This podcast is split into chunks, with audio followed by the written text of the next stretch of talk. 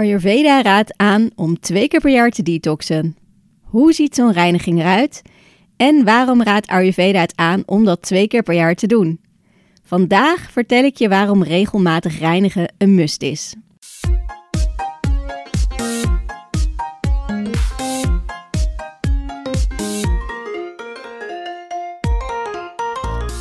Hey, leuk dat je luistert naar de Detox Your Life podcast. Mijn naam is Anneke Mengerink.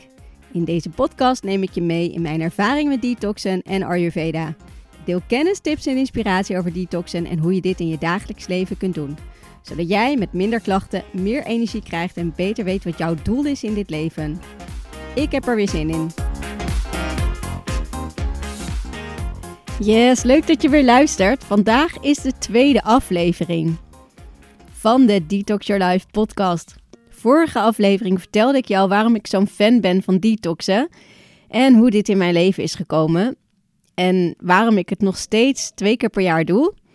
En misschien herkende je wel een aantal kwaaltjes uit mijn verhaal. Misschien ook helemaal niet. Of heb je misschien hele andere klachten. Bijvoorbeeld een uh, prikkelbare darmsyndroom. Of ben je gewoon nieuwsgierig naar hoe een detox kan bijdragen aan jouw gezondheid. Nou, vandaag in deze aflevering vertel ik je waarom Ayurveda aanraadt om regelmatig twee keer per jaar te reinigen. Nou, heb je nou geen informatie meer nodig en wil je meteen starten?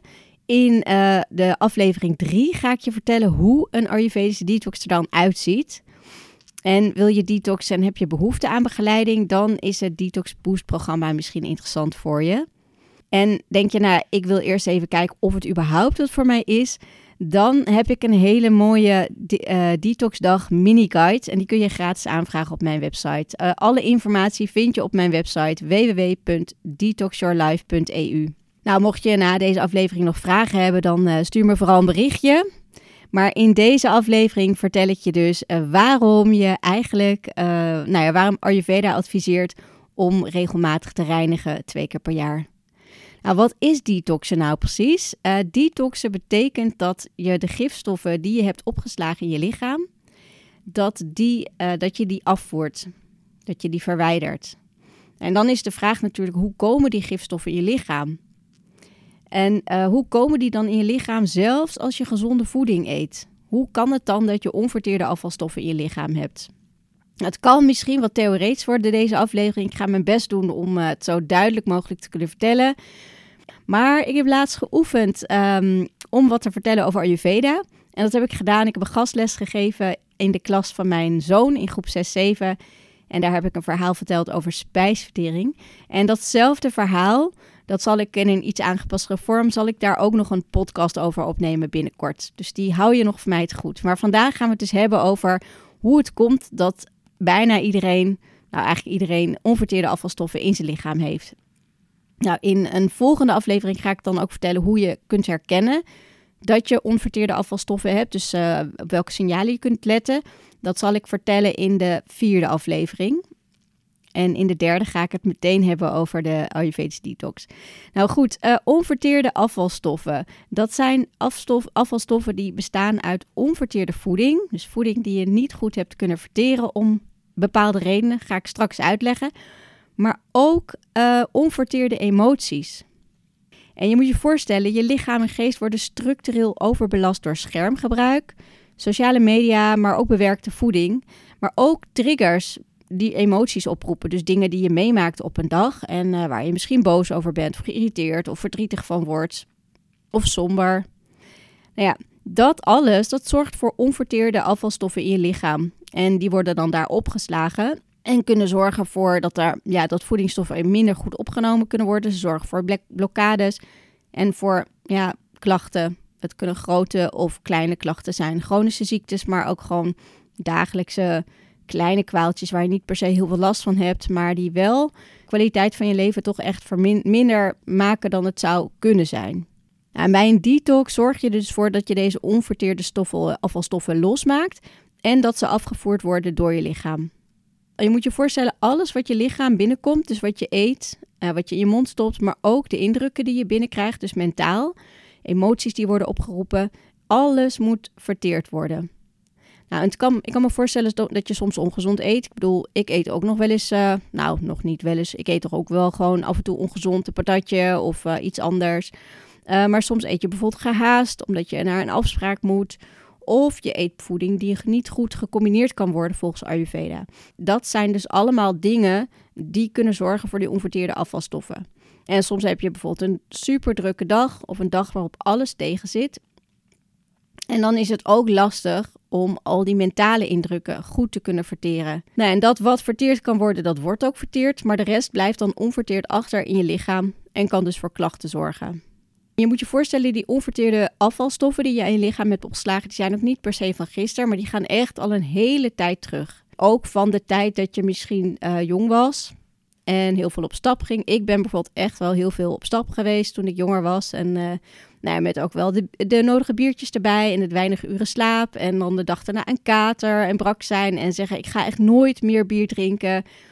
En dan in het weekend stond ik gewoon weer ergens uh, met een biertje in mijn hand. Ja, zo, zo ging dat.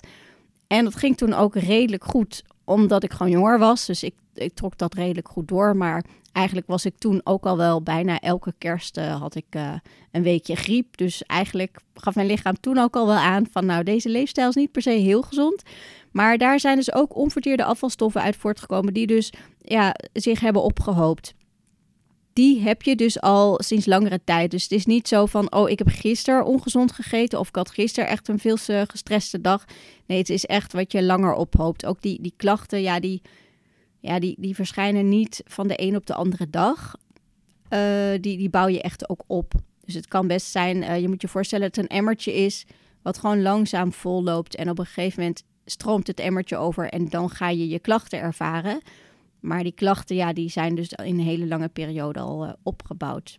Kan ook zijn dat je dus, um, nou ja, dat je inmiddels gezond eet en dat je de tijd neemt voor je eten en dat je elke dag veel groente eet en vers kookt. En dan kan het ook nog zijn dat je onverteerde afvalstoffen opbouwt. Nou, hoe kan dat nu? Ik ga in deze aflevering ga je meenemen in een aantal oorzaken. En dan kan je ook zelf even kijken van, hé, hey, welke oorzaken herken ik of wat doe ik vaak? En wat zou ik daarin anders kunnen doen? Een van de oorzaken die je waarschijnlijk wel kent en uh, is uh, het eten van bewerkte en bespoten voeding. Nou, bewerkte voeding moet je denken aan alles wat meerdere, in, meerdere ingrediënten op de verpakking staat. En zeker vleesvervangers spelen hier een hele belangrijke rol in.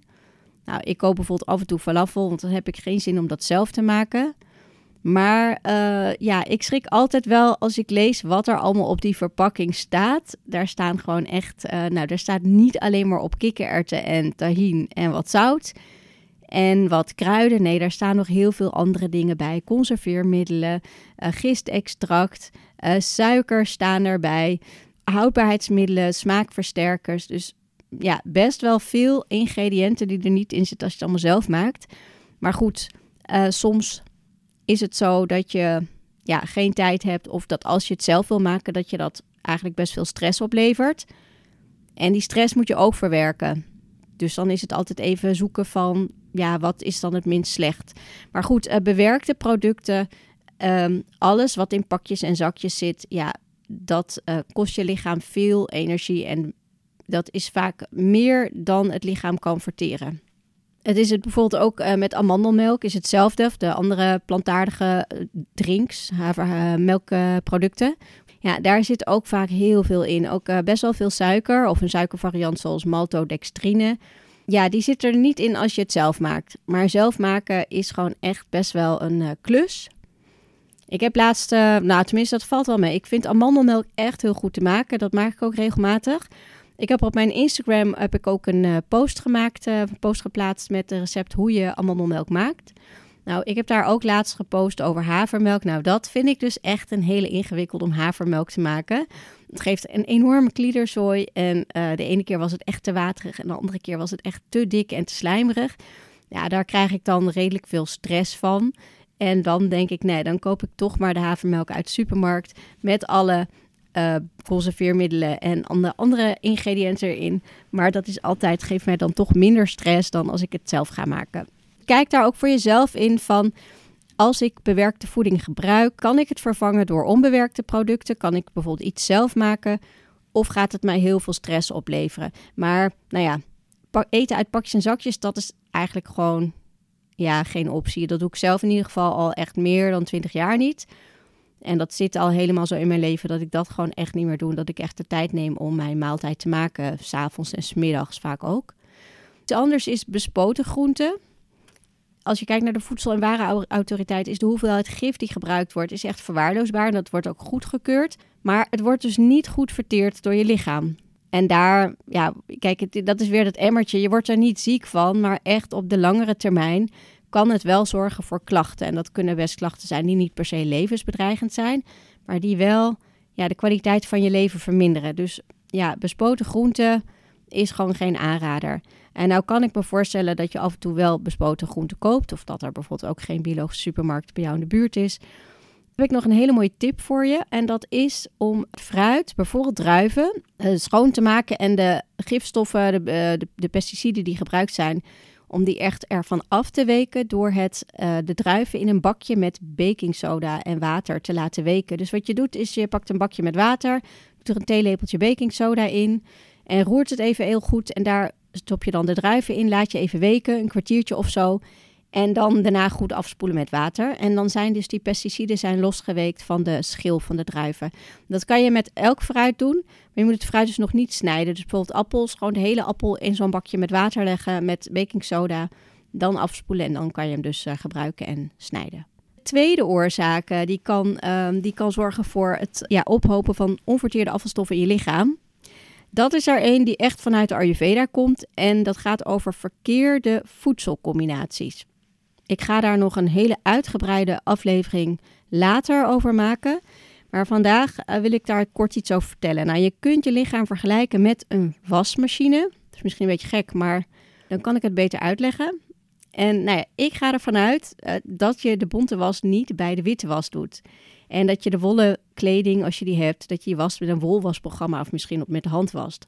En uh, nou ik heb dat wel eens niet gedaan. Had ik een wollen trui per ongeluk in mijn bonte was gedaan. Nou, die was helemaal verveeld en dus kleiner geworden.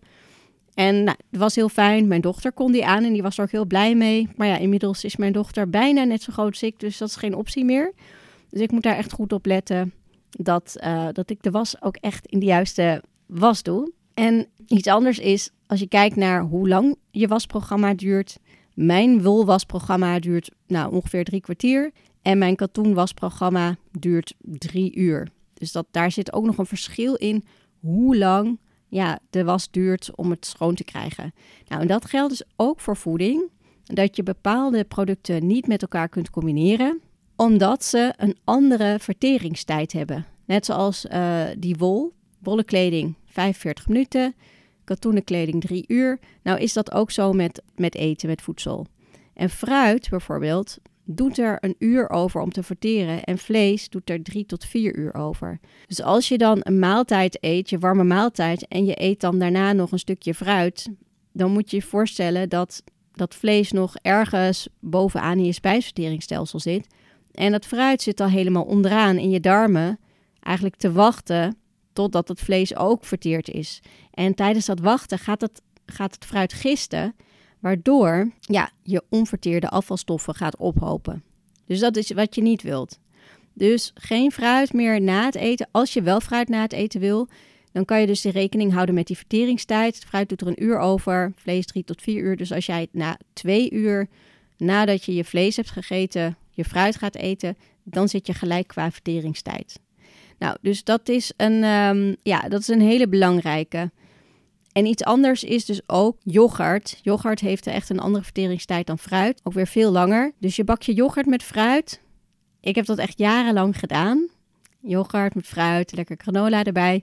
Ja, dat uh, doe ik dus ook niet meer, omdat fruit dus veel sneller verteert. Dus wat je wel kan doen is of fruit een uur voor de maaltijd eten of 1 tot 2 uur voor de maaltijd en daarna je maaltijd eten, zodat ook weer die verteringstijd met elkaar overeenkomt. Ayurveda heeft dus daar een hele lijst van, ook met voeding die niet goed met elkaar te verteren is. Die lijst die zit bij mijn detox-programma's. En dan leg ik ook uit hoe je die lijst kunt lezen. Dat gaat, nu gaat voor deze aflevering gaat dat echt te ver. Maar in ieder geval één tip die ik je wil meegeven. Fruit apart van je maaltijden eten. Dus ook niet je havermout of je, ik bedoel je, ehm, je yoghurt eten met lekkere toppings. Maar ook niet je havermout eten met lekkere toppings. Wat wel kan, is als je het fruit laat meekoken met je havermout, s ochtends. Tenminste, ik eet elke ochtend havermout. Dan, ja, dan, dan neemt het dezelfde verteringstijd aan. Dus dan kan het wel. Dus dat is nog een hele mooie tip die ik je wil meegeven. Als je toch je fruit graag met je havermout eet, kook het gewoon even mee. Een paar minuten. En dan, ja, dan kun je dat zien als een soort van voorverteren. Net als in de wasmachine een soort van voorwas. Dat je dus al met een voorvertering bezig bent, waardoor het ook weer makkelijker te verteren is in je lichaam. De derde oorzaak is dat voeding en mentale indrukken niet gelijktijdig verteerd kunnen worden. Dat een hele belangrijke. En ik hou me daar ook zeker echt niet elke dag aan, maar ik probeer daar zoveel mogelijk rekening mee te houden. Ehm, en ik moest denken aan, ik zag laatst op Facebook een discussie over kinderen die tijdens de lunch uh, op school televisie kijken. Nou, sommigen vonden dat goed kunnen, want die zeiden ja, de juffen moeten ook pauze hebben. En anderen vonden dat echt niet kunnen, want ze vonden dat eigenlijk de juf gewoon aandacht voor de kinderen moest hebben. Nou, vanuit Ayurveda vond ik het ook niet kunnen. En ik ga je uitleggen waarom. Ehm, waarom het beter is om niet televisie te kijken tijdens de lunch. Maar ik ga je ook uitleggen waarom het misschien wel een goede optie is uh, in de klas. Nou, eigenlijk wat, je, wat uh, zo is, is dat je dus niet voeding en mentale indrukken tegelijkertijd kan verteren. En je moet ook maar zelf kijken, uh, bij jezelf kijken hoe het bij jou gaat. Maar als ik bijvoorbeeld televisie kijk en ik ben aan het eten, of ik krijg niet echt goed mee wat er nou op televisie te zien is aan een film of programma wat ik aan het kijken ben, dan mis ik gewoon eigenlijk de helft omdat ik aan het eten ben. Of ik heb niet helemaal door wat ik aan het eten ben. Dan is mijn bord echt opeens al leeg. Vaak is dat het geval. En in een enkel geval dan vergeet ik te eten en dan is mijn bord uh, met eten is helemaal koud geworden. Dus ik merk heel erg aan mezelf dat ik die twee dingen niet goed kan combineren. Ik zie het ook bij mijn zoontje. Dus soms hebben we pizzaavond voor de televisie. Ja, die laat echt zijn pizza koud worden, want die is dan helemaal in die televisie gezogen en in het verhaal van wat er dan op televisie is. Ja, die vergeet gewoon zijn eten. Dus vanuit dat oogpunt zeg ik van nee, geen televisie kijken tijdens de lunch. Maar het kan ook zo zijn dat je aan tafel zit met z'n allen of in de klas zit met z'n allen en dat het gewoon heel erg onrustig is. Dat er discussies zijn, uh, ruzietjes, uh, gedoetjes. En dat moet ook verteerd worden. Nou, dat is eigenlijk hetzelfde als weer met die bewerkte voeding. Hoeveel stress levert het jou op? Dus levert zeg maar het een soort van gezellig samen eten zonder scherm. Is dat eigenlijk helemaal niet gezellig? Levert dat heel veel onrust op? Nou, dan is misschien die televisie toch best wel een, een goed alternatief. Maar in eerste instantie, als het gewoon gezellig is uh, in de klas en aan tafel, dan is een scherm is geen optie. Maar dus ook niet het snel opeten van je lunch achter de computer. En dat heb ik heel vaak gedaan, want ja, lekker efficiënt. Maar op de lange termijn zorgt het ervoor dat je je voeding dus minder goed kunt verteren. Dat het ook veel energie kost en dat die energie niet naar jou gaat. En dat je dan om vier uur die after dinnerdip hebt of dat, dat, dat suikerdipje. En dat heb je dus, daar heb je dus veel minder last van als je niet achter je computer eet, maar je lunch gewoon echt in volle, met volle aandacht opeet en daar echt de tijd voor neemt en in alle rust opeet, zodat jouw lichaam echt goed dat voeding, die voeding kan verteren. En daar vervolgens energie is om gewoon weer aan het werk te gaan en de dingen te doen die je wilt doen. Nou ja, wat mij trouwens ook nog opviel in die uh, Facebook-discussie over uh, het kijken van televisie tijdens de lunch, is dat ik dacht, ja, weet je, je kan alles wel bij school neerleggen. Of in ieder geval, je kan hier wel van alles van vinden op school. Maar hoe gaat het dan thuis? Hè? Wat, wat is het schermgebruik daar dan? En wat geef je zelf ook als goed voorbeeld? Heb je zelf bijvoorbeeld altijd je telefoon bij je liggen tijdens het eten? Veel mensen hebben dat en kijken er ook soms even op tijdens het eten. Ja, dat is natuurlijk ook, uh, ja, wat mij betreft, uh, geef je dan niet het goede voorbeeld. En dan denk ik, ja, dan kan je van alles van school vinden, maar kijk ook eens even wat je thuis doet. Nou, ik heb thuis geen uh, schermpjes bij, de, bij mijn tafel liggen. Wij hebben echt uh, aan tafel hebben we de schermpjes, de telefoons hebben wij niet aan tafel. Hebben we er ook niet op tafel liggen. Die liggen echt ergens anders. Dus wij eten met elkaar. Is het rustig? Nee, het is op dit moment. Uh, ik heb twee kinderen van acht en nee, negen en elf zijn ze. En ja, dat is af en toe vrij onrustig aan tafel. En ik probeer het altijd wel zo rustig mogelijk te houden. Dus ook als je dan samen gaat lunchen zonder schermpjes, geen discussies. Geen discussies over de politiek of over het nieuws, wat er in de wereld gebeurt. Tjes en datjes is helemaal prima. Maar uh, ga geen discussies, inhoudelijke discussies voeren. Want dan ga je je lichaam je hoofd weer aan het werk zetten. Terwijl je je hoofd zo, ja, zo min mogelijk moet belasten, zodat er zoveel mogelijk energie is voor het verteren van je voeding. En dat je daar ook echt bewust mee bezig bent. De vierde tip is het verteren van emoties. Emoties moeten ook verteerd worden. Dus dat zijn uh, uh, ja, situaties die een emotie hebben opgeroepen. Bijvoorbeeld verdriet of boosheid of woede of irritatie. En je verteert dus voeding en mentale indrukken. Nou, en denk er maar eens aan als je verliefd bent of misschien juist liefdesverdriet hebt. Uh, of als je heel boos of angstig of verdrietig bent. Waarschijnlijk heb je dan helemaal geen zin om te eten. Dan heb je geen trek, heb je geen honger. En dat, dat geeft je lichaam dus eigenlijk ook heel goed aan. Dat je dan zo druk, je lichaam is dan zo druk bezig met het verteren van die emoties.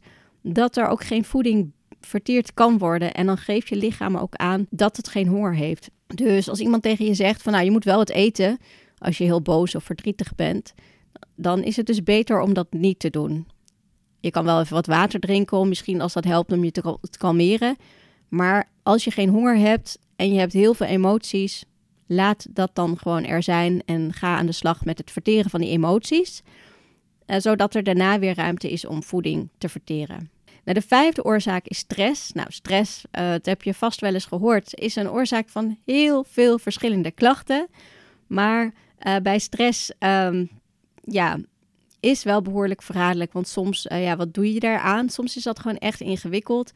Maar ook wanneer herken je het? Soms heb je het niet eens door dat je stress hebt. Je hebt het gewoon druk, een druk leven. En het is normaal dat je hoofd altijd aanstaat. Of dat je agenda altijd gevuld is met afspraken. Dat je gewoon heel veel werk hebt en dat je ook heel veel leuke dingen te doen hebt. Nou, ik vertel in, uh, aflevering, uh, in een volgende aflevering vertel ik welke signalen je kunt herkennen dat je dus al eigenlijk uit balans bent.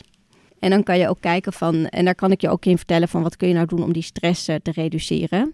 Nou, in de volgende aflevering, in een volgende aflevering ga ik je daar meer over vertellen. Hoe je daar iets mee kan doen. Nou, tot slot, zesde oorzaak zijn trauma's. Trauma's zijn super heftig. En dat kunnen kleine of grote trauma's zijn. Maar het kan zijn dat je die dus of actief nog weet dat je trauma's hebt. Maar het kan ook zijn dat je denkt dat je ze verwerkt hebt. Maar dat een deel wel zeker verwerkt is. Dat je, dat je daar dat je wel dat je gewoon goed kan functioneren. Maar dat dus een deel nog steeds als onverteerde afvalstoffen in je lichaam is opgeslagen. En ik laat je ook, ik vertel je ook in de aflevering over de Ayurvedische detox. Hoe dat dan zit. En dat ook dus die onverteerde emoties, dat die uh, verteerd kunnen worden tijdens een detox. Nou ja, het kijken van nieuws of televisieprogramma's over dingen in de wereld of het lezen van de krant, nieuwsberichten, nieuwsites, dat kost ook heel veel uh, mentale indrukken die verteerd moeten worden. Meestal gaat het nieuws niet echt over leuke dingen.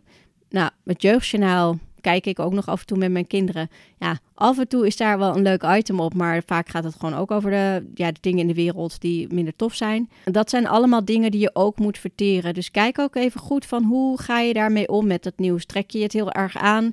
Ben je somber of verdrietig of juist heel erg boos als je het nieuws hebt gekeken? Kijk dan ook even of het misschien een optie voor je is om minder nieuws te kijken. Omdat je die, ja, die mentale indrukken dus ook moet verteren. En alles wat je moet verteren, ja, dat geeft je, dat, dat kost energie. En dat kan echt zorgen als er meer is om te verteren dan je kunt verteren. Ja, dan wordt dat opgeslagen als onverteerde afvalstoffen. Die zorgen voor blokkades en zorgen voor klachten. Ja, en dat wil je dus niet. Nou, even een recap. In deze aflevering vertelde ik je hoe het komt dat je onverteerde afvalstoffen opbouwt in je lichaam. Nou, dat komt dus doordat je voeding eet die moeilijk te verteren is door je lichaam, zoals bewerkte of bespoten voeding. Verkeerde voedselcombinaties met verschillende verteringstijden. Het kan ook komen door mentale indrukken, zoals het kijken naar een scherm terwijl je eet. En mentale prikkels die je krijgt tijdens een dag, zoals door stress of door triggers, door wat iemand zegt of door nieuwsberichten. Nou, ik hoop dat deze aflevering je inzicht heeft gegeven in welke gewoontes jij hebt die bijdragen aan toxines en aan het ophopen van onverteerde afvalstoffen. En misschien denk je, ja, oké, dat weet ik nu, maar hoe zorg ik er dan voor dat ik die opgehoopte afvalstoffen niet in mijn lichaam krijg? Nou, daar ga ik je binnenkort meer over vertellen. In de volgende aflevering vertel ik je over de detox, dus hoe je ervoor kunt zorgen dat je opgehoopte afvalstoffen kunt gaan verteren. En daarna ga ik je vertellen hoe het is als je dus van detox gedaan hebt. Hoe je zorgt dat je niet al te veel toxines meer gaat oplopen. Nou, superleuk dat je hebt geluisterd en ik zie je graag uh, volgende aflevering weer. Heel erg bedankt voor het luisteren. Heeft deze aflevering je geïnspireerd? Maak dan een screenshot en tag me op Instagram, zodat je anderen ook kunt inspireren. Heb je vragen? Stuur dan een DM of een mailtje naar anneke.detoxyourlife.eu. Wil je meer afleveringen ontvangen? Abonneer je dan op deze podcast. Ik zou het heel erg waarderen als je een review wilt achterlaten op iTunes of Spotify. Hoe meer reviews, des te beter deze podcast gevonden wordt en ik meer mensen kan inspireren met mijn inzichten in detoxen.